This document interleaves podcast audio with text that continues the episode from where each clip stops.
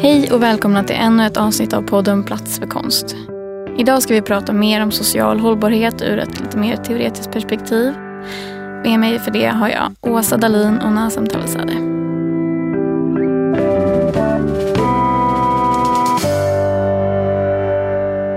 Jag med mig gäster som på olika sätt har stor erfarenhet av att forska kring och applicera begreppet social hållbarhet och en massa mera intressanta saker som har med det att göra. Och så du jobbar ju nu som chef för enheten för översiktsplanering i Uppsala kommun. Men du var också en del av Kommissionen för socialt hållbart Stockholm. Som i alla fall jag har eh, använt mig jättemycket av i mitt arbete eller läst alla rapporterna och citerar friskt. Så det är jättekul att du kunde komma hit idag. Eh, och Nassim, är forskare inom urbana och regionala studier på KTH. Eh, och du har skrivit om segregation, invånarinflytande och eh, ja, men kopplat till stadsplanering och rättvisefrågor och massa mer. Välkommen hit.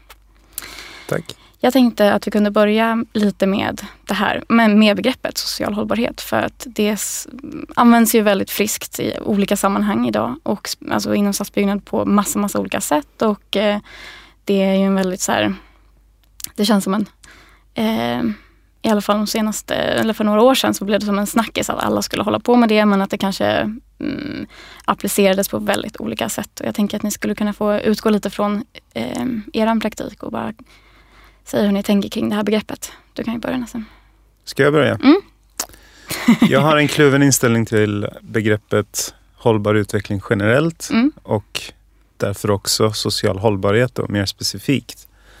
Eh, och anledningen till det är att eh, jag tror att alla är överens om att hållbarhet och hållbar utveckling har blivit liksom den nya idé eller värdegrunden för vad politik ska uppfinna eh, och upprätthålla och vad målet är med massa olika politiska processer. Och särskilt starkt kan man ju se att det är inom planeringspolitiken. När vi bygger och planerar samhället, i synnerhet staden där väldigt mycket byggande och planering sker idag, så, så föreställer man sig då ett mål som är gemensamt och ganska förgivettaget som man då kallar för hållbar utveckling. Och i där finns det ekologiskt, ekonomiskt och so sociala liksom, mål.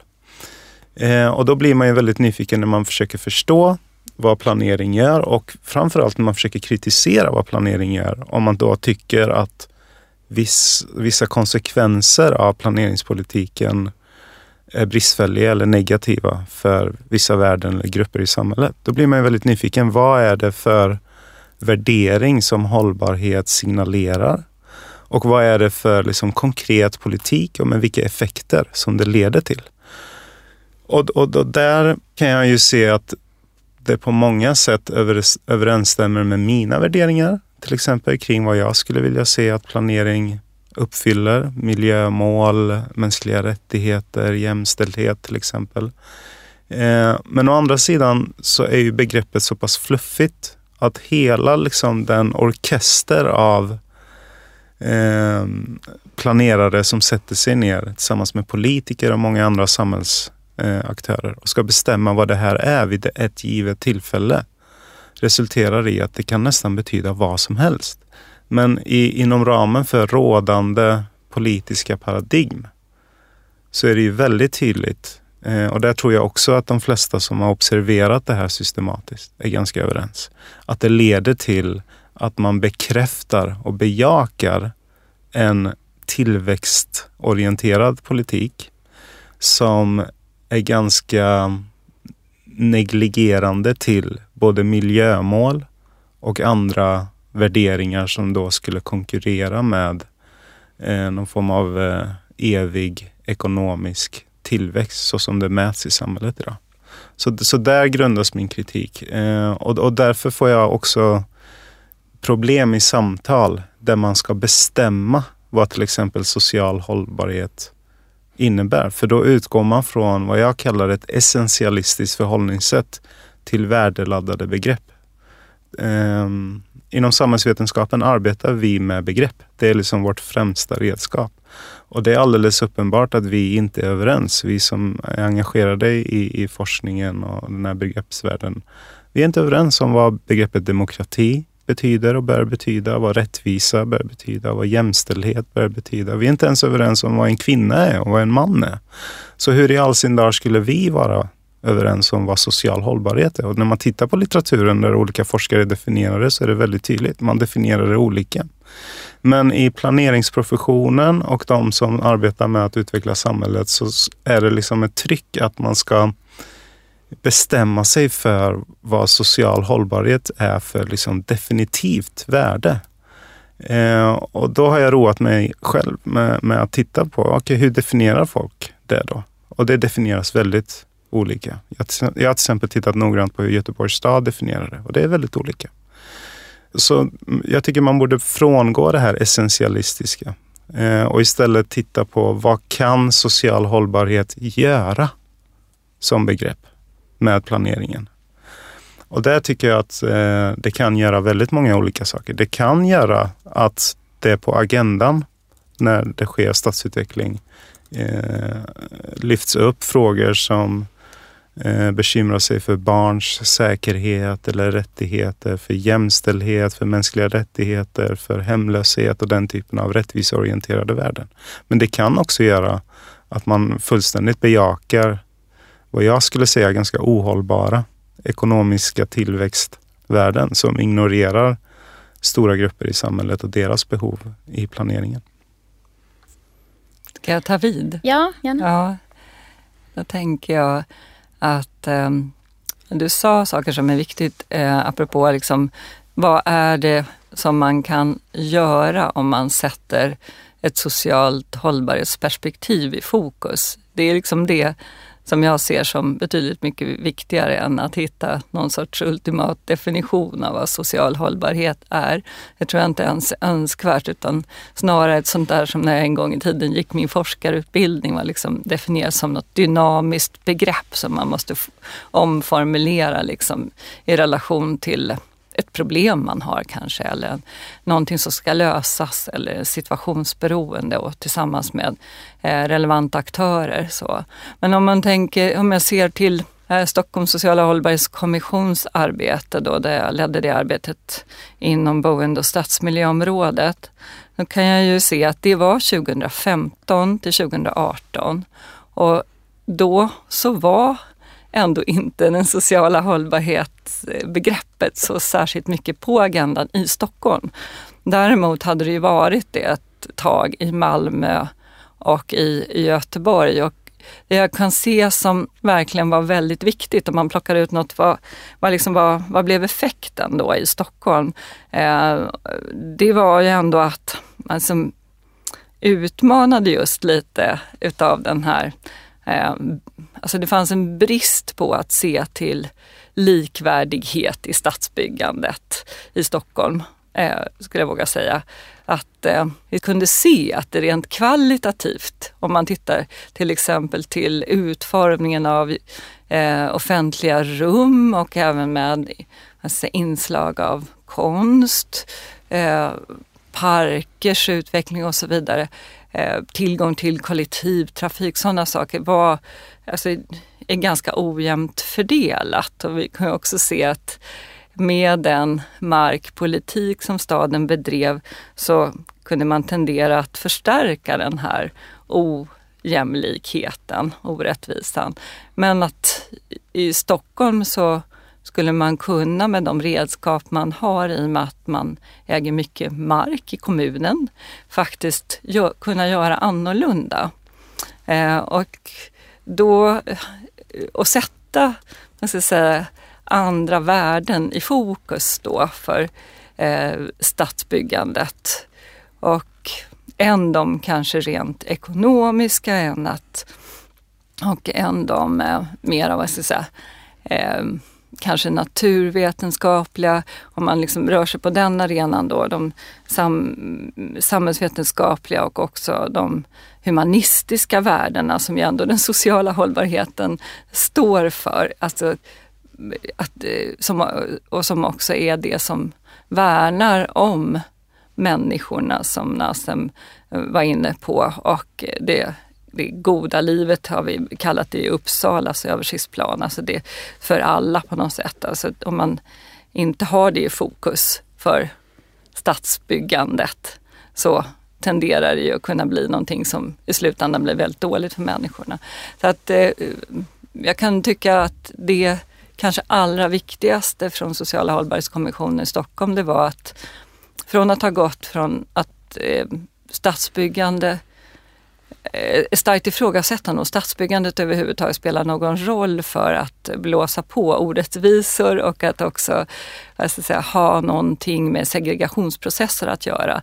Till att, eh, jag vågar säga att det, den frågan eh, ändå på något sätt blev, inte minst med hjälp av de forskare som vi hade mycket med oss i arbetet, liksom blev väldigt tydligt satt på agendan. Ja, stadsbyggandet påverkar för att säga, de jämlika och ojämlika livsvillkoren i staden. Och om det nu ska byggas så väldigt mycket så behöver man vara väldigt noga med att titta på de liksom rättvisa aspekterna också utifrån ett större perspektiv än de enstaka eh, projekten som annars kan tendera att bli osammanhängande frimärksplanering. Känner du att det har gett effekt liksom, i praktiken? Nu har du ändå gått från att ha den här lite mer teoretiska eller liksom, eh, analyserande rollen till att gå in i som praktiker. Har du liksom kunnat ta med dig de här lärdomarna? Det var, har jag, på något sätt, det var jag ju då också. Då, eh, det var en ganska intressant konstruktion på det sättet med det kommissionsarbetet i Stockholm eftersom vi som var utvecklingsledare där också satt på, i våra organisationer. Så jag satt liksom som en av översiktsplanerarna och var en av strategerna på stadsbyggnadskontoret även då. Det som var bra förstås med det var ju att då kunde det bli Um, alltså en mandatperiod var det, för förra mandatperioden som den här kommissionen jobbade. Eh, politiken har bytt sedan dess. Eh, men vi har eh, i Stockholm så, så, så eh, tajmade det här med att man skulle ut med en ny översiktsplan. Det vill säga väldigt mycket av det, det arbete som eh, den kunskapsinhämtning, den kunskapsresa som vi gjorde tillsammans med forskare också och tillsammans med väldigt mycket dialoger med andra aktörer, byggaktörer och civilsamhälle och så vidare. Den kunde komma in i budskap i översiktsplanering som är längre. Ehm, så att jag kan väl säga att eh, i Stockholmskommissionen så var det ju också så att i stort sett allt vi föreslog i den här kommissionen, överraskande nog för många i en stor, väldigt stor och trög organisation, liksom, togs av kommunfullmäktige som beslut och sen så blev det liksom verkstad ut i organisationen. Och ett av de besluten var ju till exempel att okej, vi har haft några Djurgårdsstaden som någon form av kunskapsarena för ekologisk hållbarhet. Eh, kan vi göra på samma sätt i Skärholmen blev det ju då först och främst och sen på lite andra platser också. Eh, när det gäller den sociala hållbarheten där vi faktiskt har en kunskapsresa som vi behöver göra och den kan vi inte göra själva uppe på eh, något planerarnas eh, stadsbyggnadskontor utan den behöver vi göra tillsammans med stadsdelsförvaltningen, tillsammans med eh, hela det civila, eh, eller hela lokalsamhällets olika aktörer. Eh, så att där blev det ju kommunfullmäktige beslut och där blev det också en väldigt tydlig riktning från politiken att här vill vi att någonting ska hända i relation till byggaktörerna. Så alltså, byggaktörerna svarade också på detta. Så att då, då fick man igång en, en byggverksamhet som, och, där man också har prövat en hel del. Sen är det ju svårt att komma hela vägen men man har, man har i alla fall gjort väldigt mycket där skulle jag vilja säga tack vare eh, väldigt många människor och prövat nya metoder med medborgarbudget och allt möjligt sånt mer. Mm, och Fokus Skärholmen, det är två personer från Fokus Skärholmen var här förra avsnittet. Vi pratade om ja. det som de har gjort och eh, hur de bedriver eh, sitt arbete. Ja, det, det blev ju faktiskt jättespännande och det man också sjösatte var ju ett, eh, vad ska jag säga, ett eh, tänk kring en modell för socialt värdeskapande analys i stadsbyggande som sen har faktiskt också nu vad jag förstått utvecklats till att eh, det blir mer värdeskapande analys, inte socialt med förtecken utan det är, det är liksom eh, beroende på vilka värden vi nu behöver utveckla. Så att, eh, ja, jag, jag, vill säga att det faktiskt har hänt en hel del.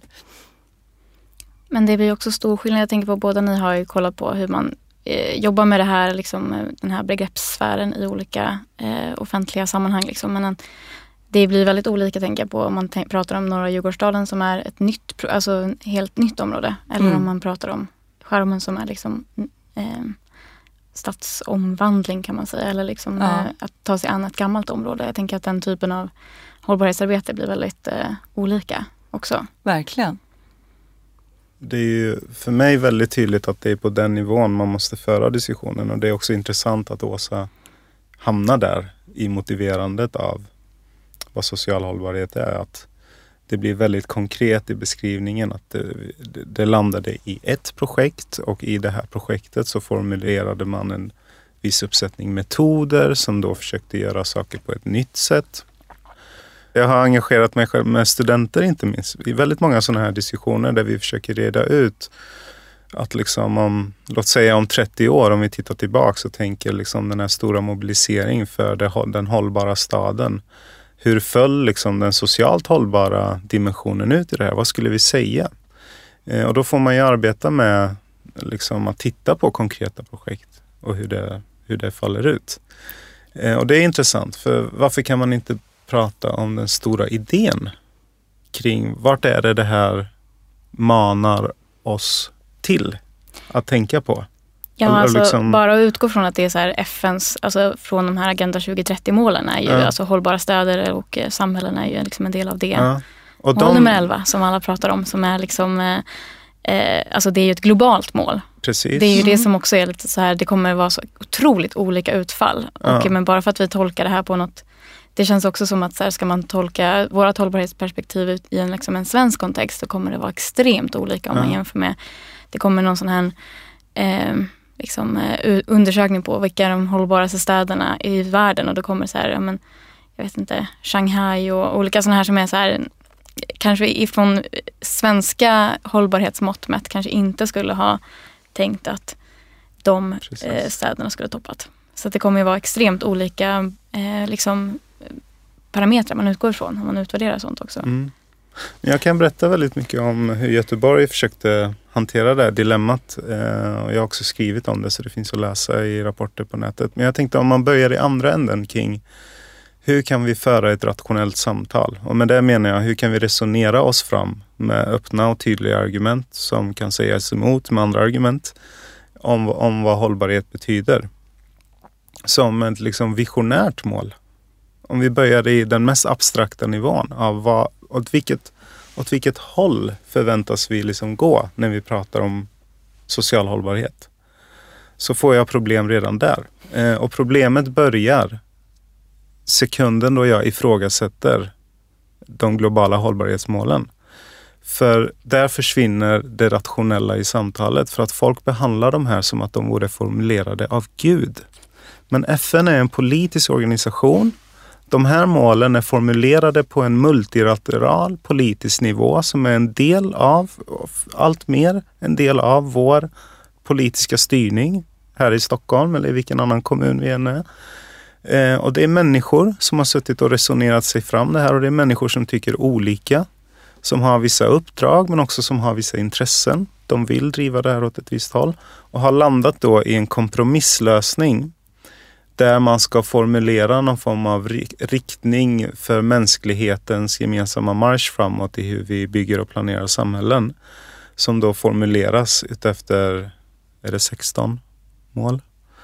Um, men, men egentligen är inte de här uh, målen som man brukar se i såna här affischer jätteviktiga. Det som är jätteintressant är att gå in på uh, globala hållbarhetsmålens olika hemsidor och där det finns citerat och titta på indikatorerna de har för hur varje mål ska mätas och rapporteras och diskuteras därför i FNs egna utvärdering av åt vilket håll går då mänskligheten?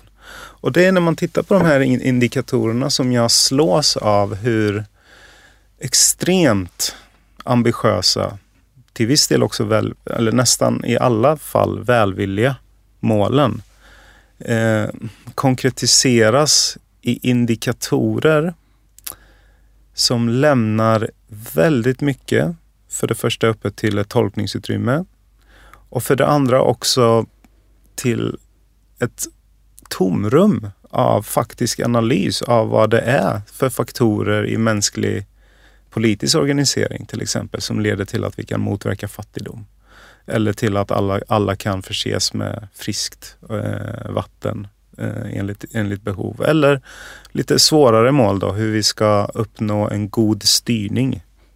Eller hur vi ska utveckla en jämlik relation mellan könen i hela världen. För det första kan vi inte diskutera alla de här sakerna samtidigt. Vi måste fokusera på något mål och liksom grotta ner oss i det. Och, och, och då har jag bara tänkt på så här, okej okay, men det sociala, det minsta gemensamma nämnaren för all form av social tema är relationen mellan människor. Det är relationen mellan människor. Hur tänker vi oss att den sociala relationen mellan människor ska struktureras i ett socialt hållbart samhälle?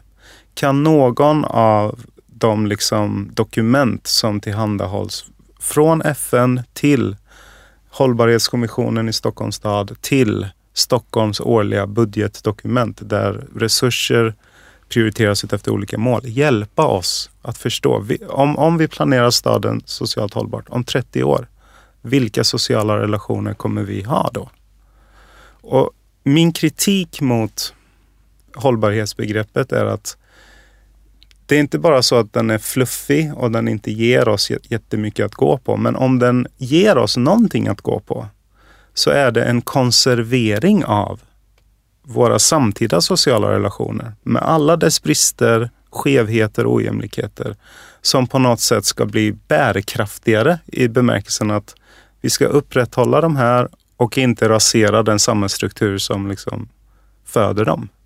Det är liksom en tolkning av social hållbarhet som jag landar i. Och då är min slutsats att det här är ju ett jättedåligt begrepp för att utveckla mänskligheten. För att det, hur ska vi, liksom, om, om tanken är att vi ska vara framtidsoptimister utifrån perspektivet att vi faktiskt ska lösa människors problem i samhället med hjälp av våra olika verktyg.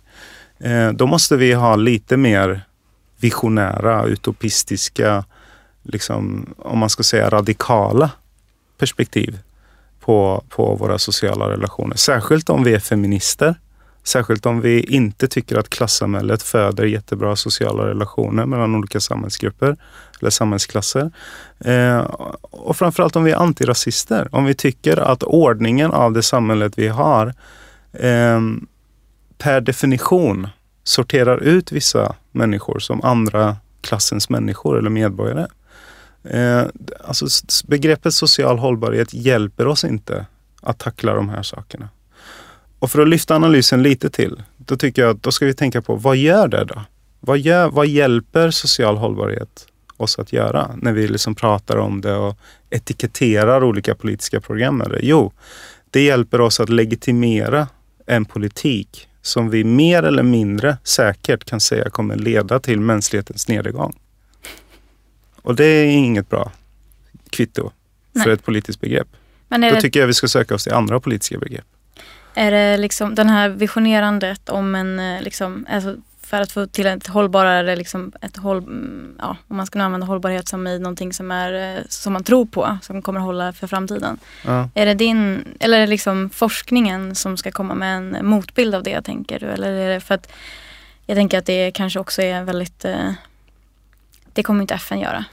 Nej, men det är också ett problem att vi tror att forskningen kommer hantera de här politiska dilemmana för oss. För forskare är också, precis som FN-personalen, inbäddade i olika samhällsgrupper och intressen och är partiska i det här. Forskaren är liksom ingen neutral objektiv röst som ska peka och vi andra ska följa. Ultimat är det det politiska systemet eh, och förhoppningsvis då demokratin som sätt att fatta beslut som ska liksom hjälpa oss att jämka våra olika visioner om framtiden. Och just nu trycker vi ner väldigt mycket diskussioner till att handla om hållbarhet. Och, och det tror jag är farligt för det hjälper egentligen makteliten att konservera den ojämlika ordningen och, och därmed också trycka bort massa intressanta och, och konflikt liksom betonade samtal från, från, från det, den politiska agendan. Och det tror jag är väldigt riskabelt. Och inte sagt då att man inte ska prata om social hållbarhet, men, men bara man är medveten om att det, det här kan vara en konsekvens av att vi bejakar den här hållbarhetsideologin så tror jag att man kan göra mer med den än vad som är gångbart idag. Okej, så när, när ni verkar mellan eh, liksom, invånare i hela liksom, länet och, mm. eh, och polit, alltså politiska eh, viljor och politiska, hur liksom eh, Finns det något sätt som ni liksom förhåller er till de här olika direktiven som kommer som, som gör att ni kan eh, att ni väger in liksom en eh, eh både en yrkesmässig liksom, ett omdöme och eh, så här, hur man omsätter politiska viljor i samhällets bästa eller vad man säger. Ja, om jag liksom fortsätter lite och spinner på detta med Agenda 2030 då så mm. har man ju i, i väldigt många kommuner, de flesta skulle jag tro regioner och så, på något sätt ställer om till Agenda 2030. Och det är ju en, en svårighet i det. För att alltså, om man tänker som att det inte ska bli på en, att man inte stannar på en fluffnivå som sen då inte heller blir förståelig och kritiserbar, lite som Nassem är ute efter. Eh, utan man paketerar det. I, I Uppsala så har mm, politiken valt att nu i årets eh, styrdokument för 2021 mål och budget, eh, och, alltså att vi har paketerat eh, alla inriktningsmål som vi har utifrån Agenda 2030-målen. Och så försöker man att sortera in då och tydliggöra säga, vad betyder det här då för Uppsala och Uppsalas eh, arbete framöver inom de olika målen. Så. Och så försöker man kraftsamla på det sättet och sortera sitt vardagsarbete skulle jag vilja säga i, i det. Och eh, eh om, man, om man tar det som jag jobbar med som är liksom översiktsplanering och det vi har eh, för det vi jobbar med just nu är en väldigt stor fördjupad översiktsplan för sydöstra delarna av eh, Uppsala som, där det inte är så mycket bebyggelse, men det är bebyggelse, men inte så mycket bebyggelse som man tänker eh, sig att det ska bli. En väldigt, väldigt kraftig expansion Eh, och det är ett avtal också med staten som kallas för Uppsala-paketet. Det handlar om en eh, ytterligare järnvägsspår och ytterligare stationsläge. Och då har man skrivit avtal mellan kommun, region och stat om att okej, okay, staten står för den här järnvägssatsningen och eh, kommunen kommer att stå för 33 000 nya bostäder. Eh, och det här är väldigt mycket eh, om man ser till Uppsalas storlek på eh, stad och kommun och eh, det orsakar en, en omfattande debatt. Vi, ska, vi har haft ett samråd under coronatiden. Bara det är en väldigt svår utmaning när man går ur ett demokratiskt perspektiv att gå ut med en sån stor, eh, för, stort förslag till förändring Eh, och vi är på väg ut på utställning och tidplanen är då också satt i relation till det här avtalet med staten.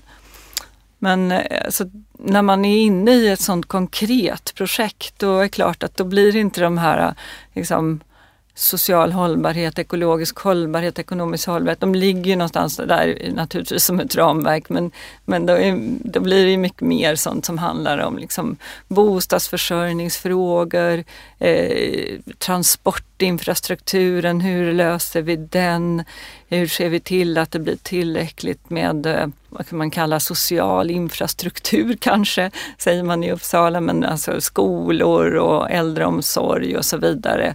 Eh, att man får till allt det som ändå är förståeligt utifrån också medborgarnas perspektiv av vad man vill åstadkomma. Men samtidigt så är det ju en, en väldigt svår diskussion för att här är det ett, ett, någonting som ska fortsätta byggas fram till 2050. Det är en lång tidsperiod och det påverkar speciellt de människor som bor i det här området väldigt mycket.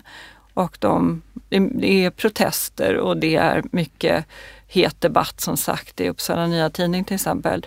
Och där är det ju en balansgång från politikens sida och från alltså, planerarnas sida att om man relaterar till den långsiktiga hållbarheten. Ja, men nu planerar vi för nästa generations eh, bostadsbehov till exempel. Eh, och vi måste sluta vad ska jag säga, den, eh, kretsloppen och så vidare och tänka på klimatförändringen. Vi vill också bygga ihop den här staden så att det blir en bättre vad ska säga, närhet mellan olika områden och så vidare. Eh, som kan öka interaktionen mellan olika områden och me mellan människor och så vidare. Så. Men de, de människor som är här och nu som eh, reagerar ju på hur det här förändrar deras liv just nu. Och då krockar lite grann de här så att säga, långsiktiga hållbarhetsperspektiven som planerare och politiker ibland har eh, med här och nu-perspektivet. Och det där är, är väldigt svårt för att eh, det kan lätt bli att det slår över i att man nästan diskvalificerar här och nu-perspektivet. Så de reaktioner som man liksom får på att nej men det här tycker vi inte blir bra. Och då kan man kanske som planerare eller drivande politiker eller så säger, nästan säga att ja men förstår ni inte att det här måste vi göra för att annars blir det inte hållbart år 2050.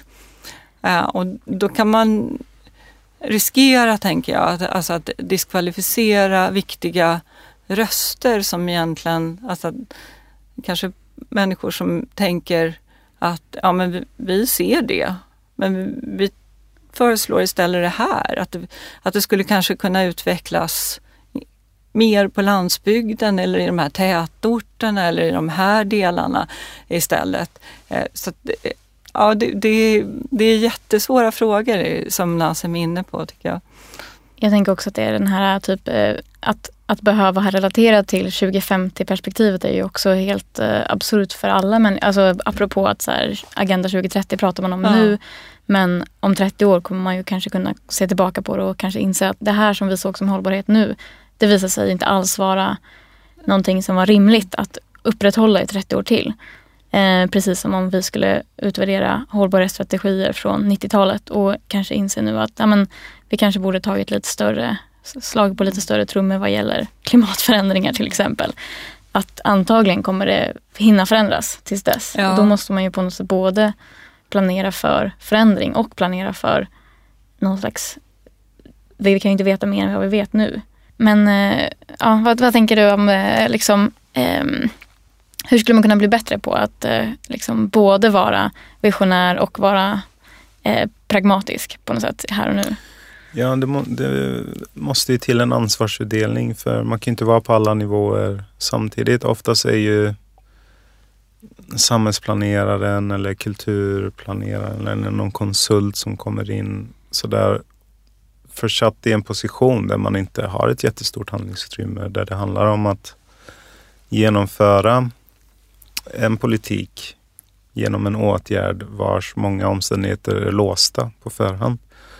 Och det är väl utifrån det perspektivet som jag ser att försöken att legitimera detta, denna praktik, blir så enkelt att göra genom att sätta en hållbarhetsaspekt på en etikett på det. Ja, men det här blev socialt hållbart och, och sådär. Men, men liksom, vi vet ju alla att det är mer komplicerat än så. Samtidigt tycker jag att det är viktigt också att man i, i alla arenor man är involverad i är liksom delaktig i den arenan och försöker liksom föra ett samtal ut efter de rådande förståelser och begrepp som finns. Så jag tycker inte att man notoriskt ska liksom ignorera hållbarhetssamtalet. Men där är också min position lite annorlunda eftersom jag har ju möjligheten att vara friare i att prata om hur vissa begrepp pratas om. Inte bara i relation till ett projekt utan försöka liksom föra det samtalet generellt så att det blir relevant för massa olika projekt och professioner och så.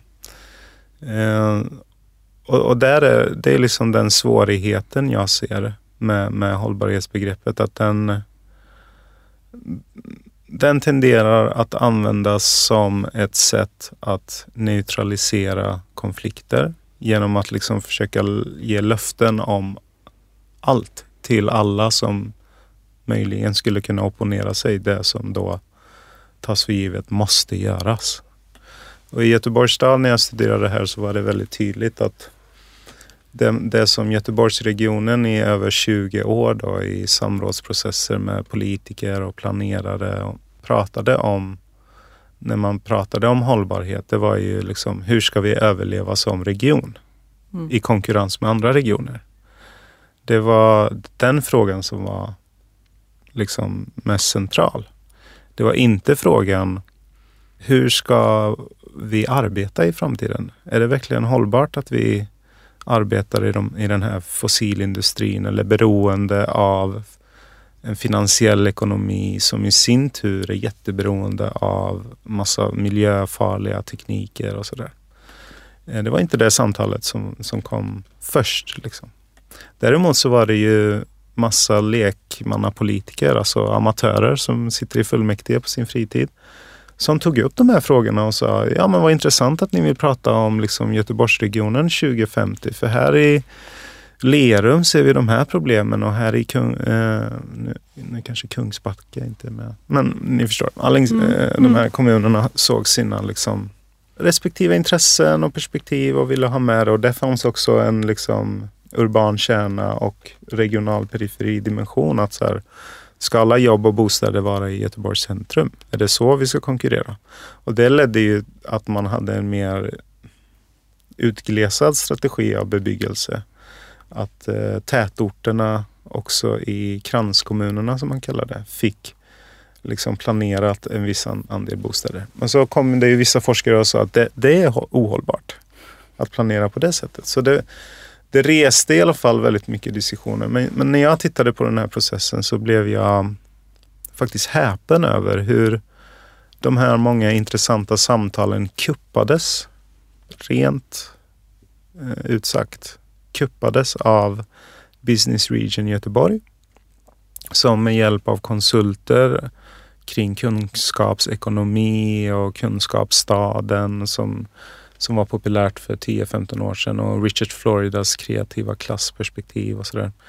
Ehm, liksom på något sätt övertalade eh, styrelserna i de här olika kommunerna att för att vi alla ska överleva och konkurrera i den globala ekonomin så måste vi göra på det här sättet. Och då låste man liksom hållbarhet nästan helt och hållet till en fråga om hur ska vi förstora den lokala arbetsmarknaden i Göteborg så att ett företag är säker på att man kan få tillgång till en viss arbetskraft när man etablerar sig här. För målet är att vi ska ha fler företag som etablerar, oss här, etablerar sig här, oavsett vad det är för företag. Det är väldigt intressant att tänka på hur en sån fråga då kan övertala så många ledande politiker att ja, vi tänker så här med hållbarhet. Och när jag kom in och tittade på den här processen, då hade det förts en jättestor och kraftig miljödebatt i hela samhället från 2008 och framåt. Eh, och då sa politiker som var ledande i Göteborgsregionen att ja, vår uthållig tillväxtprogram här från 2006 var anorektisk på miljö. Så nu, nu 2013 ska vi liksom ta in miljö och social hållbarhet på riktigt.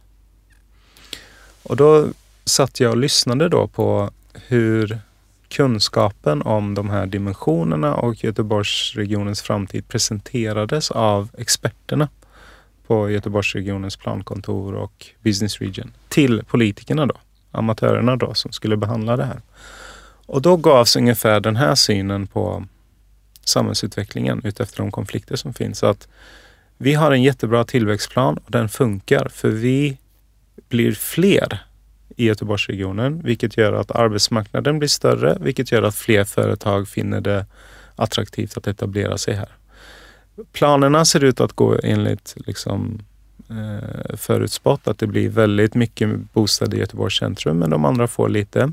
Och miljön, den ska vi liksom lösa genom att vi bygger tätt så att folk inte behöver resa så där jättemycket. Så vi bygger liksom parkeringar vid tågstationer så att man inte tar bilen ända in till Göteborgs stad. Och i den här stora överenskommelsen fanns då trängselavgifterna och eh, Västsvenska eh, paketet, så här, olika infrastruktursatsningar. Eh, och sen så har vi gröna kilar som vi är överens om att vi bygger inte på de här grönområdena utan vi utvecklar. Så det var liksom förståelsen av ekologisk hållbarhet som i stort sett saknade någon form av klimat eh, tänk. För att inget av de här åtgärderna bidrog till att kommunerna i sin tur skulle ens vara i närheten av att uppfylla Agenda 2030 kraven om utsläppt koldioxid. Alltså inte ens i närheten. För att närheten i Agenda 2030, det är i stort sett eh, trafik noll, energi från bostäder noll. Eh, liksom allt det som är externa köpcentrum och kött och flyg, noll utsläpp 2030. Men, men vad, vad som hände var ju såklart att man satsade på Landvetter flygplats. Liksom exklusiv, eh, ganska brutal konsumtionskultur växte fram och liksom hejades på. Så det fanns massa paradoxer. Den stora tragedin var ju hur man behandlade social hållbarhet. Det behandlades ungefär så här. 90 procent i samhället, när vi frågar dem i Göteborgsregionen, anger att de mår bra. 10 procent säger att de mår dåligt. Och det här är ju någonting som vi får arbeta med.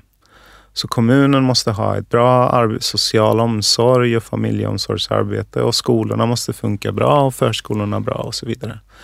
Och på vilket sätt kunde liksom det här, den här definitionen av social hållbarhet ens hamna någonstans i närheten av eh, att liksom kunna flörta med någon som mig då som kanske drömmer om att ja men tänk om vi skulle kunna arbeta mindre i framtiden och ha mer tid för varandra och våra barn och kanske inte tänka att åka till New York är någonting, liksom det enda som kommer göra att jag blir lycklig. Liksom, så att jag kan gå tillbaka och jobba sådär på en weekend.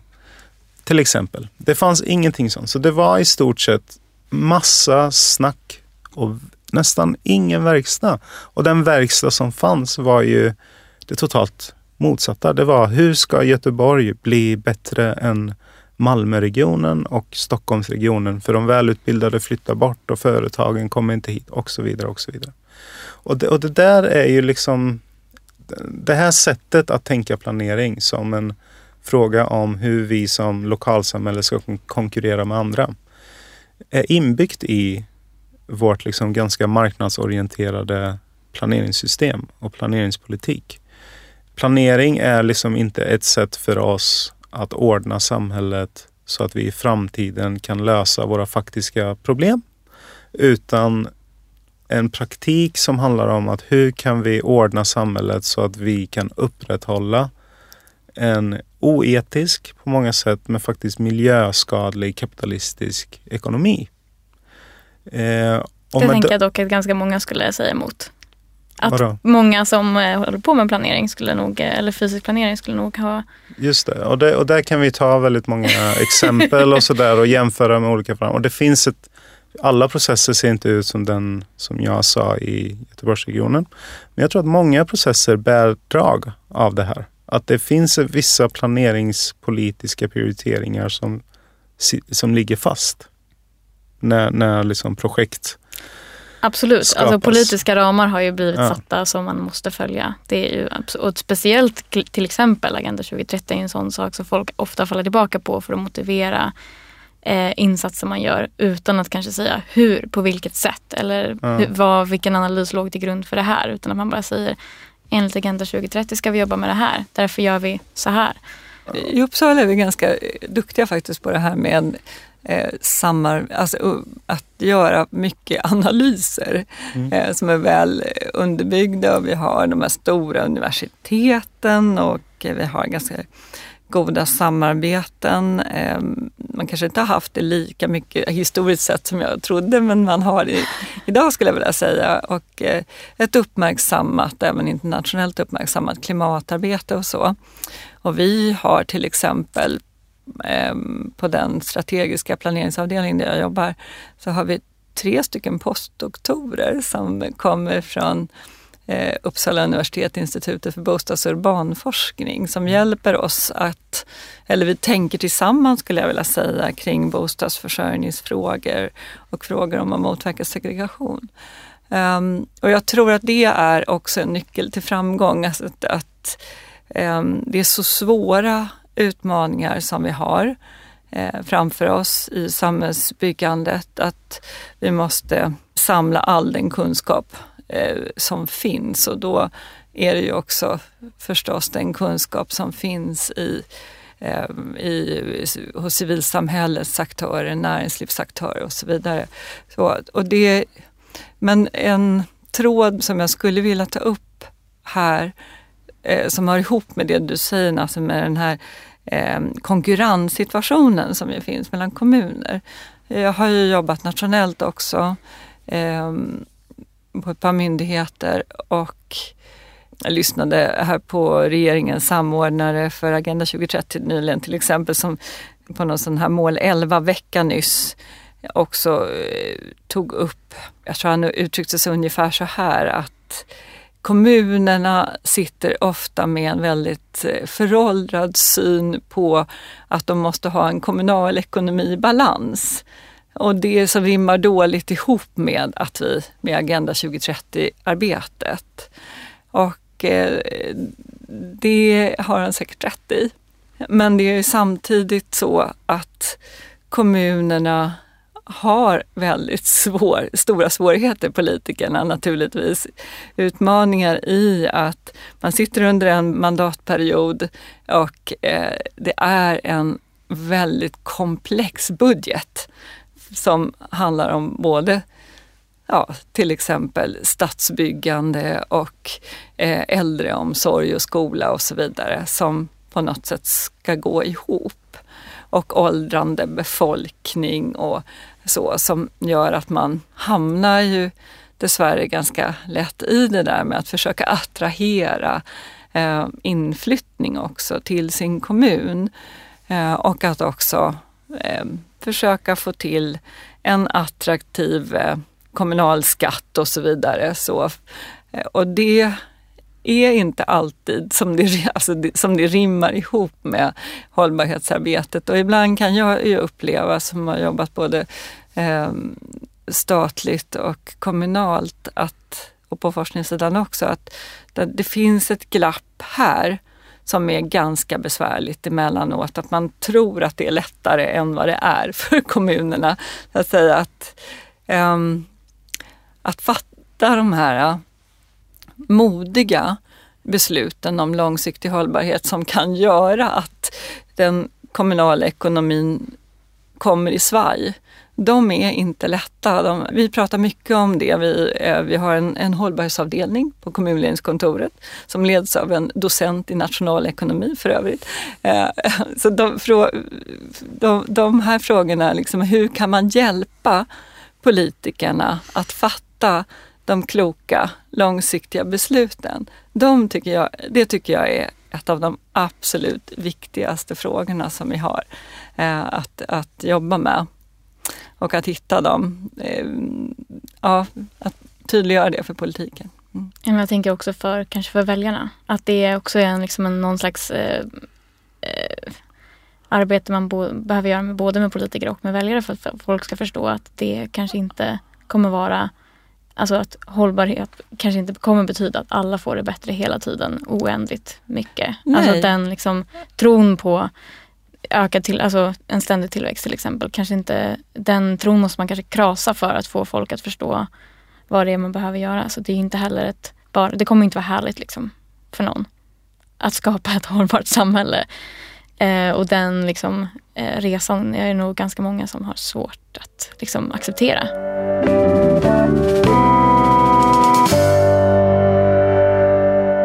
Jag tänkte att vi ska prata lite om invånarinflytande i relation till samhällsutveckling. För eh, det är ju sånt som man lyfter ofta i, i när man pratar om social hållbarhet. Eh, och så har du några exempel från Uppsala till exempel. Jag kan inte ge någon heltäckande bild av hur man jobbar i Uppsala eftersom jag har varit där i ett och ett halvt år och mest jobbat strategiskt. Men, eh, och jag kan ju se att det är en, en svårighet om jag jämför med att jobba i Stockholm i Uppsala. Det är att i Stockholm så finns ju stadsdelsnämnder och stadsdelsförvaltningar. Det vill säga att man har en räckvidd lokalt. I Uppsala så eh, har man inte det längre.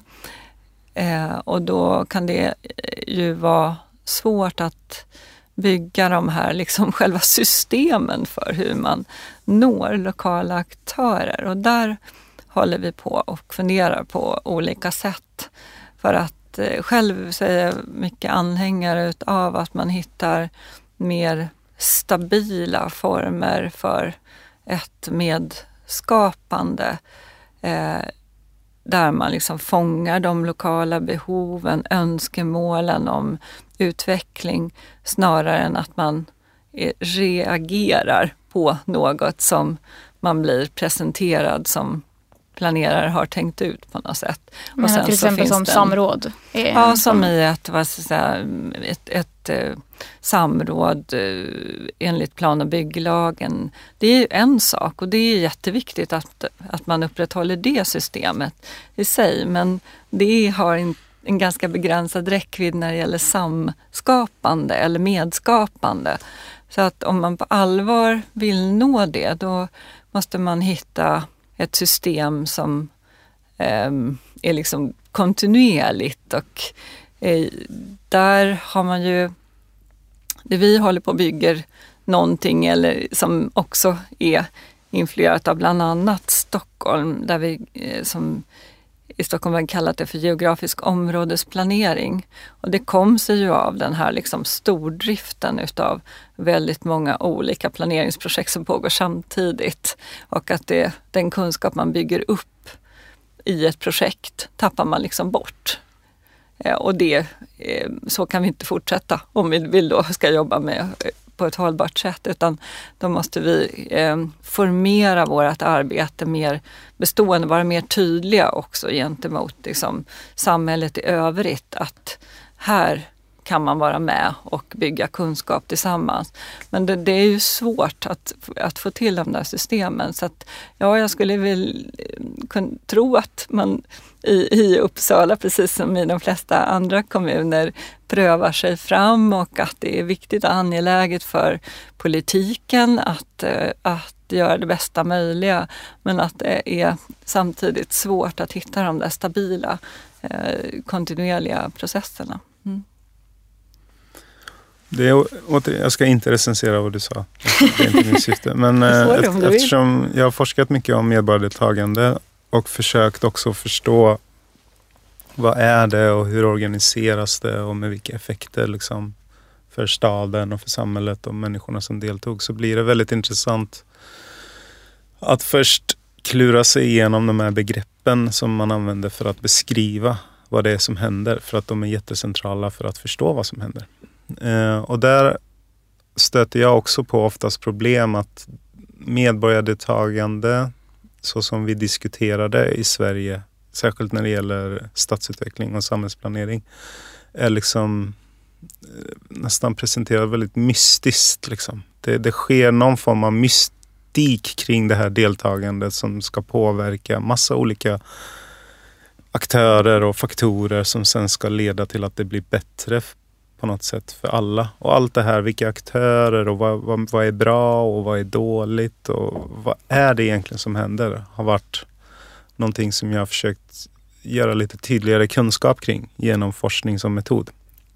Och det är intressant för social hållbarhets eh, diskussionen eftersom om man tematiserar vad social hållbarhet diskuteras som så är det två teman. Det ena är en bättre beslutsprocess och det andra är det bättre resultat eller liksom samhällsplanering. Så mer demokrati anses vara till exempel socialt hållbart och då refererar man till en process som då är på ett visst sätt. Och om man tänker integration eller eh, eh säkrare stad eller jämlik stad. Det är liksom ett utfall av den här processen som kan då vara mer eller mindre socialt hållbart. Eh, och det intressanta med att diskutera processer som mer eller mindre socialt hållbart är ju att det förväntas, bättre processer förväntas leda till bättre resultat. Så det är liksom en central mekanism kan man säga. Och för att liksom gå på djupet i den frågan så har jag varit tvungen att gå till det ämne som också är mitt, men också där den diskussionen diskuteras som mest av flest. Och det är politisk forskning, statsvetenskap, offentlig förvaltning. Och där diskuterar man det här på höjden och tvärsen. Och det finns liksom över hela 1900-talet många diskussioner kring detta. Så jag ska försöka sammanfatta mig kort kring vad, vad leder eller liksom vad är medborgardialog eller medborgardeltagande i svensk samhällsplanering och vad har det för effekter? Om man tittar på forskningen så är det väldigt många som har olika polariserade förståelser av det här. Vissa tycker att det är bra och vissa tycker att det är dåligt. Eh, men det är intressant att se vad de baserar sina analyser på och oftast där använder man en metod där man går in i en process och vrider och vänder på den. Vad händer här? I den här översiktsplaneringen och på de här mötena. Och, eh, svek man folket eller var man lyhörda för behoven och, och så vidare. Och den typen av forskning har jag gjort själv med ganska kritiska resultat. Men i ett annat projekt kände jag att jag skulle vilja få till ett annat forskning. Så jag tillsammans med eh, 12 kommuner så gjorde vi en ganska omfattande kartläggning av över 100 dialogprocesser i svensk samhällsplanering och det som Boverket då definierar som där det helst bör ske, alltså i tidiga skeden innan samrådet. För i samrådet så antas förslagen vara så pass färdiga att utrymmet för andra röster är liksom snäva. Men i de tidiga skedena när man liksom tar upp på bordet det som skulle kunna tänkas göras i ett område, då föreställer man sig att det finns ett större utrymme för folk att kunna påverka med sina perspektiv och vardagskunskaper och behov och sådär. Och då har jag tittat på hur organiserar man de här processerna? Kan vi se en systematik i det? Eh, och det är inte bara jag som har gjort det, det är andra forskare, bland annat Moa Tunström som, som har gjort det också.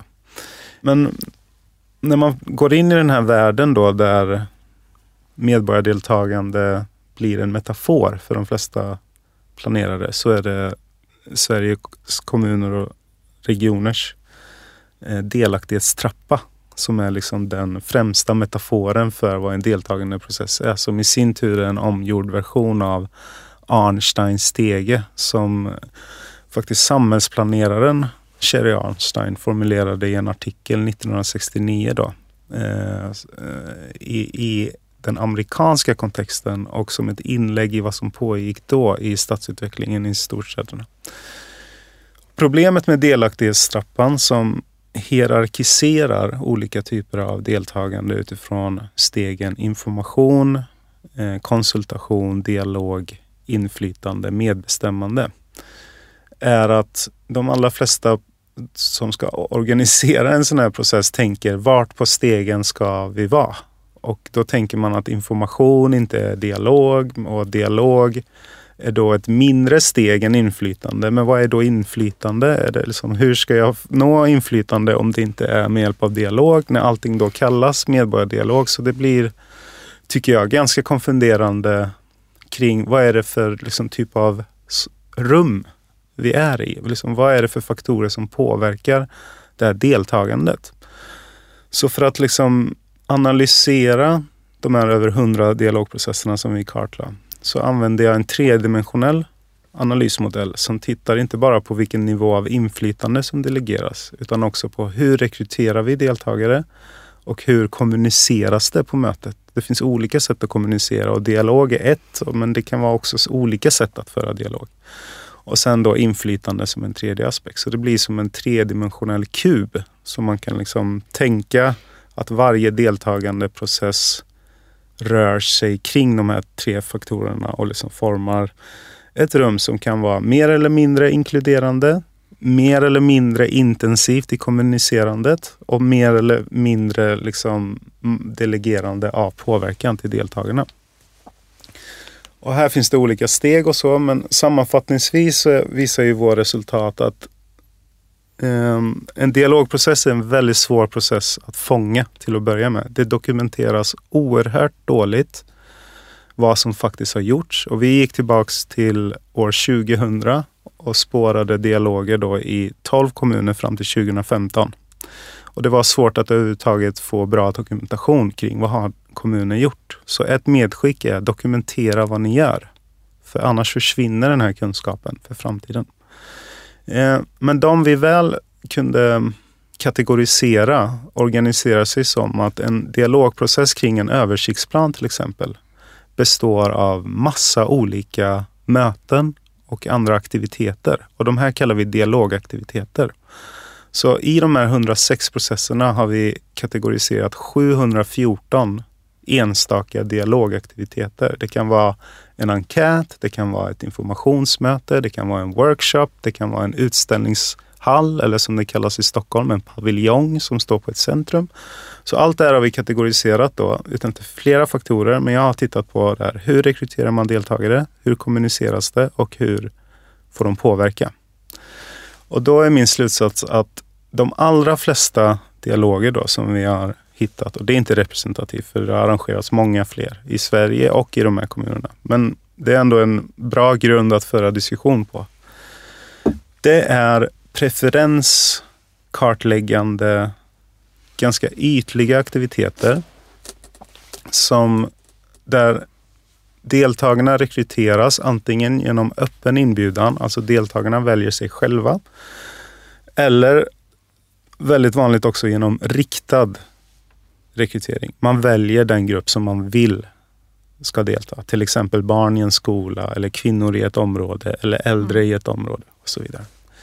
Eh, och när man tittar på då, när jag säger preferenskartläggande så är det liksom väldigt sällan dialog i den bemärkelsen att deltagarna sätter sig ner, stöter och blöter en fråga eller flera frågor på ett sätt där man kommer fram till någon form av gemensam åsikt. Alltså att man behöver förhålla sig till varandras åsikter och kanske liksom gå så djupt att man förstår varför den andra på det här mötet har de här åsikterna. Så att man själv kan ändra sig eller att man kommer fram till en tiopunktslista att det här tycker vi gemensamt är viktigt.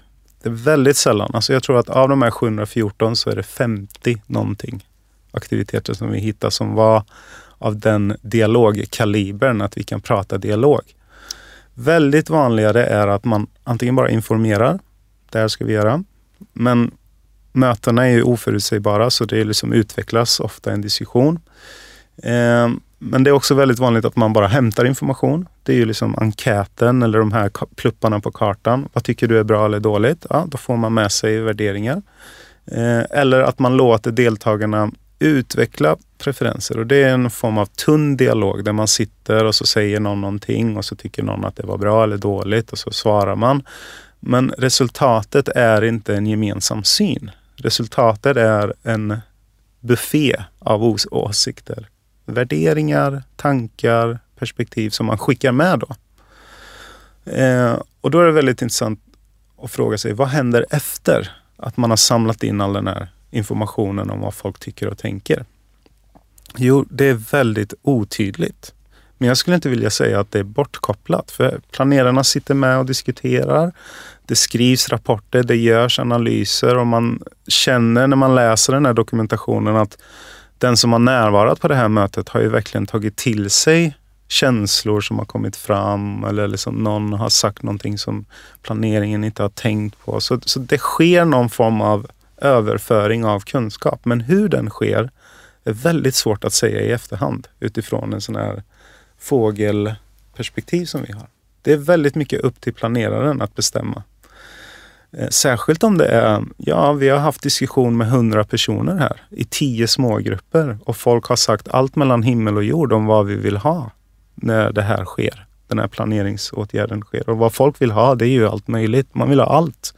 Man vill ha motstridiga saker. Du vill ha mer samhällsservice och mer grönytor till exempel. Och det är oftast en konflikt i det. Liksom. Ehm, men det är upp till planeraren att bestämma vad är det folket sa här? Det är också upp till planeraren att rigga vilka som satt i det här rummet. För man riktar den här inbjudan ofta och den här öppna annonseringen blir ofta, det blir en skevhet i vilka som väljer sig själva. Så det är i min analys då inte riktigt en, eh, en särskilt djup demokratisk kvalitet i de här deltagande processerna i att det ger liksom allmänheten en påverkan i planering. Man kan tänka att det är ger... det här bara ett tidigt skede som du pratar om nu? Ja. Jag tänker att för det, det låter som du in, det är inte skriftliga eh, yttranden som har kommit in utan det här är sådana dialogprocesser där man har varit i tidiga planeringsskeden för att hämta in så att säga ja. lokal kunskap. Eller så. Det är en hel del detaljplaner som fångar det men, mm. Eh, men vi har programplaner och fördjupade mm. översiktsplaner. Så det skrivs dokument ändå ja. där man kan se hur kopplas det här till deltagande processen. Mm. Och där tycker jag otydligheten gör att det är nästan helt upp till planeraren eller den som förvaltar den här deltagande processen att översätta. Vad var det folket sa? Och om det är då ett folk som har en annan åsikt än planeraren så finns det nästan inga verktyg att ändra den liksom översättningen eller tolkningen av vad det var som hände. Så jag ser det här som en planeringens publik som sen representeras i planeringsprocessen och kan gå lite som det vill. Liksom, det är en snårig process. Så det blir liksom en planeringsrepublik där, där den offentliga förvaltningen bygger sitt eget folkets röst. Och alternativet till det är ju såklart att man har djupare stötande och blötande processer där det blir väldigt mycket tydligare och där folk som deltar själva får bestämma att det här är våra prioriteringar. De har vi kommit överens om. För då blir det mindre tolkningsutrymme för planeraren att översätta det till någonting annat. Eh, de allra flesta dialogaktiviteter är någon form av möten där man träffas och gör någon aktivitet. Och där vi kan se där det blir dialog i bemärkelsen deliberation, alltså att man verkligen stöter och blöter. Det växer fram en ömsesidighet. Man förhåller sig till vad andra tycker, man jämkar förslag, man förhandlar, man kanske röstar om. Det blir liksom två tydliga motpoler i ett förslag och då röstar man. Mm. Eh, det är liksom väldigt småskaliga initiativ. Det är en park som ska byggas om eller en aktivitetsplats för Mer medborgarbudget. Ungdomar. Ja, och medborgarbudget ja. är en metod, men inte den enda metoden Nej. som förekommer där. Men det intressanta är mm. då att det är planeringsåtgärder där kommunen på något sätt kan ha full kontroll från ax till limpa eh, vad som händer. Och sen finns det andra komplexa processer där jag kan lyfta fram en dialog man hade i Göteborgs stad kring en väldigt konfliktfråga eh, om vart trängsel avgiftsbetalstationen skulle placeras i stadsdelen Backa. Som var liksom en infekterad fråga med, med väldigt stora konsekvenser för förtroendet mellan allmänhet och politiker kan man säga. Där det var en planerare som då hade det här på sitt bord och sa vi måste prata med folk om vart den bästa placeringen är här. För det är faktiskt orimligt att folk betalar trängselavgift när de ska hämta och lämna på hockeyträningar och förskolor. Eh, och där riggade man en tämligen ambitiös dialogprocess med ett 20-30-tal aktiviteter där man med små grupper och stora grupper i olika typer av möten eh, både gav människor tillfälle att bara lufta sina åsikter och sitt missnöje, men också att i konstruktiva samtal föreslå alternativ som då experter var med och värderade. Där experterna direkt kunde säga att ja, men då stöter vi på den här svårigheten eller den svårigheten eller den här möjligheten finns i ditt förslag. Och genom en årslång process på det här sättet så vaskade man fram ett antal förslag som man sen hade ett stormöte kring och där förslagen var så pass accepterade av deltagarna och som man tolkade då allmänheten som berördes, att man i stort sett accepterade det utslag som blev utifrån de förslagen som var lagda. Och det kan man ju säga är en givande deltagande process. Ja, och det känns ju som att det också har inbegripit typ att man värderar folks åsikter på riktigt och tar deras eh, erfarenheter på allvar och ger dem någon slags, eh, alltså att experter får ge feedback till människor på en mm. gång gör ju att det också antagligen ett bevis på att deras åsikter är betydelsefulla. Ja, och, det, och det har varit Det är som- negativa ja. åsikter. Mm. Det, har, ja, det är också ju viktigt att tänka på. Om man liksom från verkstadsgolvet hos planerarna, en liten liksom rapport därifrån, då är det ju ofta så att man kanske skulle vilja kunna vara mycket mer ambitiös i sina dialogprocesser. Om man ser behovet och eh, eh, skulle vilja pröva andra metoder till exempel. Eh, men man har en projektbudget att förhålla sig till. Man har en tajt tidplan att förhålla sig till. Eh, Så att det dilemmat finns ju nästan alltid med också. Och det vill säga att då är man liksom återigen i en sån här fråga som också rör både ekonomi och personresurser naturligtvis. Och för kommunerna att hantera. Alltså värdera vikten utav ett eh, väldigt gediget eh, dialogarbete eller vad ska, eh, och att kanske också bygga de här mera alltså, så robusta systemen för att man skulle man i liksom eh, lokalt kan också sätta samman sina grupperingar och eh, fundera över utvecklingen i, i ett lokalsamhälle som i sin tur kan liksom påverka när det sen kommer ett förslag till att exploatera på en viss del av marken eller någonting sånt.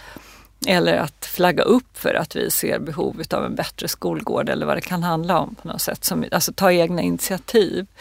Men, och där är ju säga, ett, ett ganska stort jobb skulle jag vilja säga. Att, att göra, att eh, visa på värdet utav det. Återigen då, när man för politikerna som sitter och ska eh, försöka få sin budget att gå ihop. För att det är ju inte gratis heller att, att rigga de här liksom ambitiösa eh, dialogarbetena. Det måste bli en alltså, samhällsekonomisk vinst som man också kan visa och övertyga politiken om, skulle jag vilja säga, och även väljarna då, då förstås. Jag kan ibland, tycker mig, under mitt yrkesliv ibland ha hört på forskare som har tittat på hur jobbar kommunerna till exempel med delaktighetsfrågor och som nästan målar ut eh, planerarna som om de hade onda avsikter. Som att man det vill nästan lura medborgarna in i, eh, vad ska jag säga, vill, det blir en villfarelse. Eh, men från verkstadsgolvet skulle jag vilja säga att jag aldrig har mött någon som vill luras utav planerarna. Däremot att man är del av ett system som kanske fungerar nästan på det sättet. Det är en, det är en, annan, en annan sak. Och där skulle jag vilja att vi kunde ha ett konstruktivt möte mellan forskare som har tittat. Jag tycker att det är otroligt värdefull kunskap som du beskriver och jag känner igen mig väldigt väl i den beskrivningen alltså av, av hur det går till.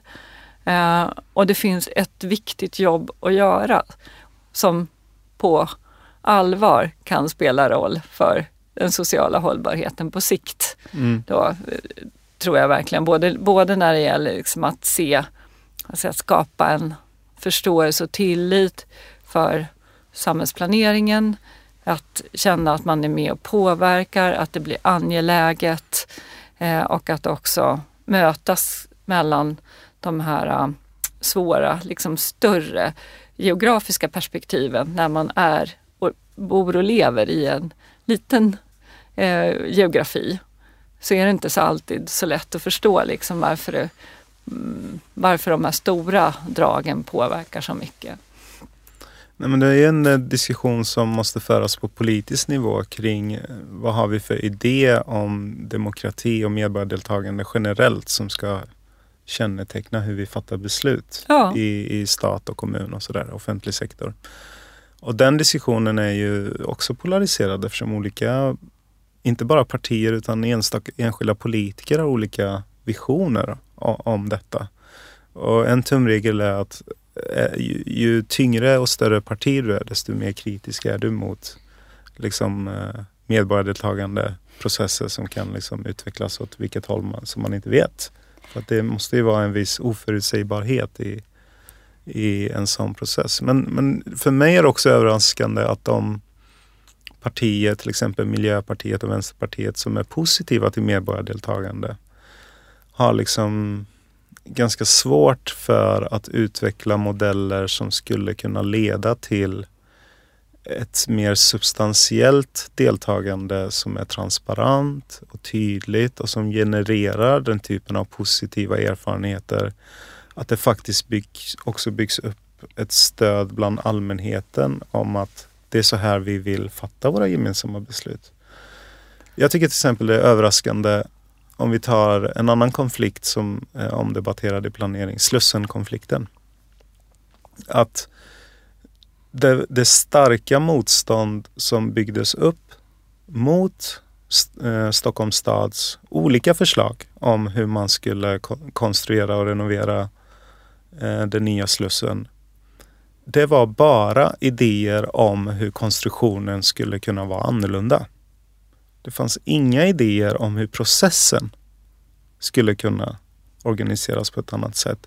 Mer än att politikerna ljuger, politikerna vill inte folkets väl.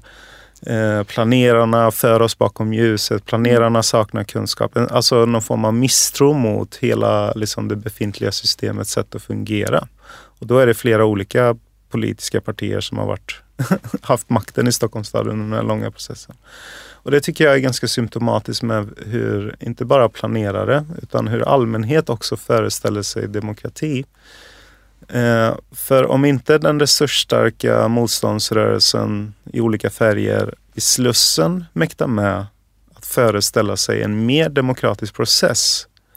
Vilka samhällsgrupper förväntar vi oss ska liksom har kraften att göra det?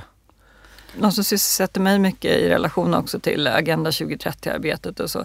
Är det så att vi, eh, som jag för övrigt har svårt att tänka mig att vi ska kunna genomföra på ett bra sätt om vi inte har de här eh, vad ska säga, bygger ut medborgarprocessen för, eller dialogen för att det handlar också så mycket om liksom att hitta gemensam riktning, att ändra sina vardagsbeteenden och sådana saker.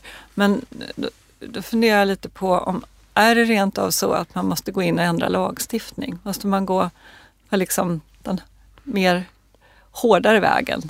Uh.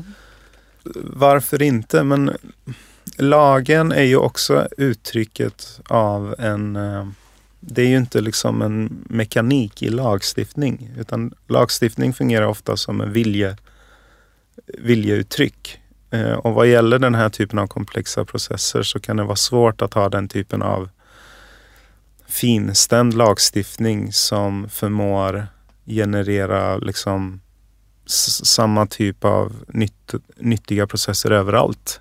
Eh, över absolut, tid. Absolut. Så det måste finnas en ram. Och samrådsparagrafen till exempel i PBL mm. ger någon form av viljeinriktning som ändå har bäddat för ett liksom tvunget ja. deltagande ja. som visserligen kan hållas väldigt, väldigt tunt. Alltså att man bara annonserar att det här ska göras och sen får folk skicka brev och sen så behöver man egentligen inte. Och sen finns det överklagningsfunktionen mm. som också är ett trubbigt sätt. Mm. Eh, men man kan tänka sig att den här lagstiftningen ändå har skapat en eh, möjlighetsstruktur för både planerare Absolut. och politiker att tänka okej, okay, hur, kan vi, hur, kan vi, hur kan vi göra det här på ett bättre sätt om vi blir lite mer ambitiösa, att vi faktiskt liksom vill förebygga den typen av konflikter som sen kan liksom omkullkasta förtroendet för oss i framtiden. Det som också är typ relevant att ta upp är ju till exempel i gestaltad livsmiljö, alltså formuleringen av politikområdet gestaltad livsmiljö så tar man ju upp alltså både det här demokratiaspekterna och mm. eh, sam, samrådsutvecklingen liksom, och eh, alltså förebyggande av segregation och eh, liksom den typen av eh, problem som, det leder, som man ser att man, det kan leda till. Eh, tar de upp som en stor del av, av liksom gestaltad livsmiljö men också så till exempel Arktis har ju kommit med någon sån utvärdering av det pågående arbetet med gestaltad livsmiljö. Ja. Och att det, just den aspekten är det ingen myndighet som har fått i uppdrag att ta hand om. Alla andra liksom, tydliga stråk i gestaltad livsmiljö har liksom alla olika de inblandade myndigheterna fått i uppdrag att utreda och liksom föreslå förändringar för att kunna få tillstånd de här liksom förändringarna. Men den är liksom en sån som har fallit mellan stolarna eh, och liksom inte har plockats upp av någon. Mm. Det ska bli spännande att se vad som händer med den aspekten tycker jag. För det känns som att folk har liksom trott att det bara ska hända för att, för att det står i en formulering. Och att det, är en sån här, det kommer ju alla myndigheterna behöva jobba med. Det kommer ju alla olika eh, departement som berörs av den här politiken och se det mera, liksom alla olika liksom, kommuner och regioner, alla som kommer implementera gestaltad livsmiljö kommer mm. behöva jobba med det mycket, mycket mera. Och, men förhoppningsvis kommer det någon slags eh, djupare förståelse för processerna liksom, innan det ska liksom, göras stor maskineri av det. För att mm. annars kommer det kanske bara hända som i när liksom, medborgardialogs eh, liksom, apparaturen sattes, i, liksom, sattes igång för tio år sedan. När det blev bara någon slags eh, side business för konsultföretag att genomföra medborgardialoger på löpande band i liksom men alltså ja. de här frågorna har diskuterats intensivt sedan 70-talet och de som forskade på det då har sagt saker om det som fortfarande är relevanta. Så mina kunskaper är inte helt nya och praktiken är inte ny heller. Um, och nya verktyg har tillkommit, liksom, inte minst med digitalisering och så vidare. Det har skett en ja. standardisering kan ja. man säga av, av hur vi tänker dialog. Och mm. För mig är det väldigt tydligt att Sveriges kommuner och regioner, deras demokratienhet och deras verksamhet kring projekt medborgardialog är liksom den tongivande styrningen här för mm. särskilt kommuner eftersom de metaforer och sätt man pratar om medborgardeltagande kommer från dem. Och där de har jättestor erfarenhet och det finns väldigt mycket visdom i deras publikationer och konferenser och så. Men en sak som jag är kritisk mot det är hur man föreställer sig organiseringen av, av en medborgardialog och hur man definierar den. Så det är därför lite som jag också utvecklat den här forskningen och det här sättet att se på dialog som en tredimensionell eh, aktivitet. Och liksom det viktigaste budskapet jag skulle vilja skicka med då de som organiserar medborgardialoger i framtiden är att nyttan i processen kanske kan vara svårt att förutsäga eftersom politiken är svår att förutsäga. Det finns liksom ingen tvekan om det. Men man får tänka att de deltagare som tar tid och kraft att faktiskt engagera sig i en process som ni riggar måste kunna veta hur deras röster används. Och det måste finnas en transparens i hur processen är upplagd. Och det måste finnas en mod att inom ramen för samma resurser, ja det kostar, men när man ändå spenderar pengar på det här så kan man ju faktiskt göra det på lite mer ambitiöst och effektivt och eh, eh djuplodande sätt. Där man utvecklar kommunikation, där man liksom uppmuntrar till ett medborgardeltagande där medborgarnas röst och påverkan blir mer tydlig. För då kan man ju också sen efter processerna visa på nyttan för planeringen istället för att det ska bli liksom den här mystiken återigen kring att medborgardeltagande är bra bara för att det arrangeras. För, för det sambandet ser inte jag att det finns. Alltså det jag tror också är att vi kanske har fastnat lite grann i vår egen svenska eh, kontext.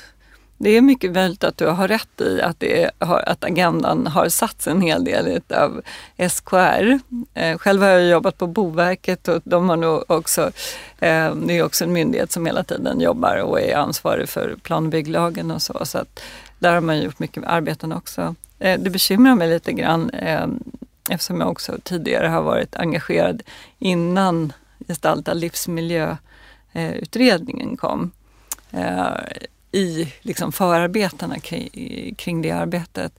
Det du säger Molly, jag tänker att det finns mycket kunskap utanför Sveriges gränser, verkligen, kring detta. Ibland tenderar vi ju att bli lite snäva i våran lilla del av världen helt enkelt. Och eh, av någon outgrundlig anledning, trots att vi ändå har en mix av människor i det här landet, så, så, så eh, lär vi oss inte tillräckligt mycket utav omvärlden internationellt. Jag tror att det finns väldigt mycket att lära sig kring detta. Eh, på samma sätt som jag tror att om vi ska på allvar komma ur den här låsningen kring bostadsförsörjningsfrågan som är en av de riktigt stora, svåra utmaningarna förstås när det gäller social hållbarhet och eh, eh samhällsbyggande i det här landet, så måste vi också titta utanför vår egen bubbla i, vi har liksom låst fast oss i Sverige.